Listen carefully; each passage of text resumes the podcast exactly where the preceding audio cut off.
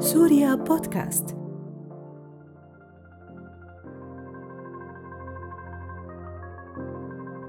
مرحبا من جديد.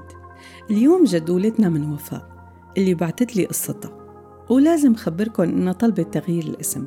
يعني خلونا نمشيها وفاء.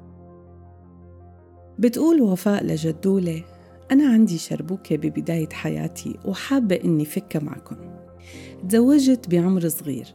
وكان زواج فاشل مية بالمية. تم الطلاق بعد سنتين والحمد لله ما كان في ولاد لأني ما بتخيل اترك ولادي ولا بتمناهم أبدا يتشنططوا. طلعت من طلاقي مطحبشة تعبانة مكسورة وكنت نفخ سجاير وأنا متزوجة من كتر الضغط النفسي واليأس بهداك الوقت. رجعت على بيت أبي وما رح يفهم علي هذا الشعور غير صبية عاشت هي التجربة. أبي حدا عقله صعب كتير.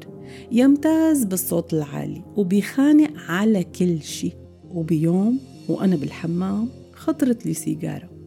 ولازم خبركن إنه بالمشاكل اللي رافقت طلاقي طليقي خبر أبي إني بدخن. وحتى أخلص من خناقة أبي معي وعدته إني رح بطل الدخان. المهم ما بعرف شو اللي صار بالضبط بس شكله أبي كان شاكك إني لساتي عم دخن. وقامت الدنيا وما قعدت. وإذا بيهجم علي على الغرفة ووين بيوجعك؟ أكلت قتلة؟ أبي عمري ما بنساها. كفوف رفس لبط وين بيوجعك؟ كل اللي كنت عم أعمله بوقتها وكان عمري 22 سنة إني أحمي وجهي بإيدي.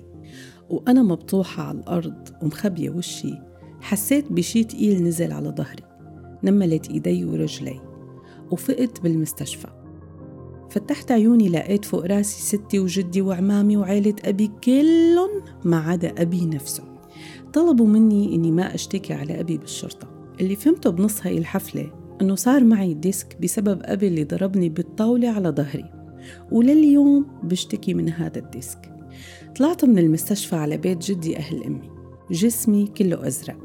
أبي ما عم يحاول تجي عيوني بعيونه أبدا. في نظرة بعيون الكل. خليط بين يا عيب الشوم عليكي ويا حرام. رحت على بيت جدي أهل أمي وأول ما فت على الصالون وشافت ستي شكلي المربط وإيدي المجبرين سحبت سيجارة من باكيتها وشعلت لي إياها.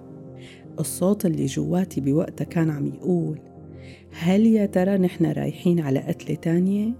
خجلت وقلت لها ما بدي وحطيت السيجارة قدامي.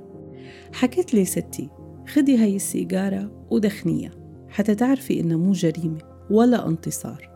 بس مع الوقت رح تتمني لو تتركيها أنا بدخن من سنين وكل يوم بفيق الصبح عم أسعل وبقول يا ريتني كون قوية وأتركها. بعد شوي راحت ستي على المطبخ وفتت أنا على الحمام وشعلت السيجارة. هذا يا ستي كانت أطيب سيجارة بشربها بكل حياتي.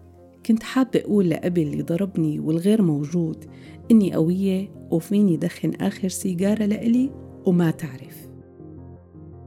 اليوم وبعد سن الخمسة وأربعين وصار عندي بنتين وصبي من زواج تاني ولساتني عم دخن ولا آخر سيجارة ولا شي. وكل يوم الصبح بفيق مثل ستي عم أسعل وبقول لحالي يا ريتني أقدر أتركها. أكيد ما بحب إنه أولادي يدخنوا لأنه ما صحي والحمد لله أولادي ما بيحبوا ريحة السيجارة. بس ولا مرة بحل القصة إذا حصلت بالضرب. ما بدي أقول إنه الضرب ممنوع وما بيربي وغلط لأنه غلط. اللي بدي أقوله إنه مفعول الضرب مع الوقت هو عكسي تماماً وبيولد الغربة بينك وبين بنتك أو بينك وبين بنتك. بعرف إنه في ولاد سعدين وبيخلوا عنصر الضرب يحضر وتمسكي العصاية وتشغلي الكف. بس بحياتك ما توثقي فيه. في مواقف مهمة ابنك أو بنتك بحاجة يسمعوا منك تجربتك وحكايتك بدون خوف. وهيك خلصت جدولتنا لليوم. بتسمعوا جدولة كل يوم سبت. وفيكن تحكوا لنا قصصكن على الإيميل جدولة.سيريا بودكاست at gmail.com تضلوا بخير وسلامات.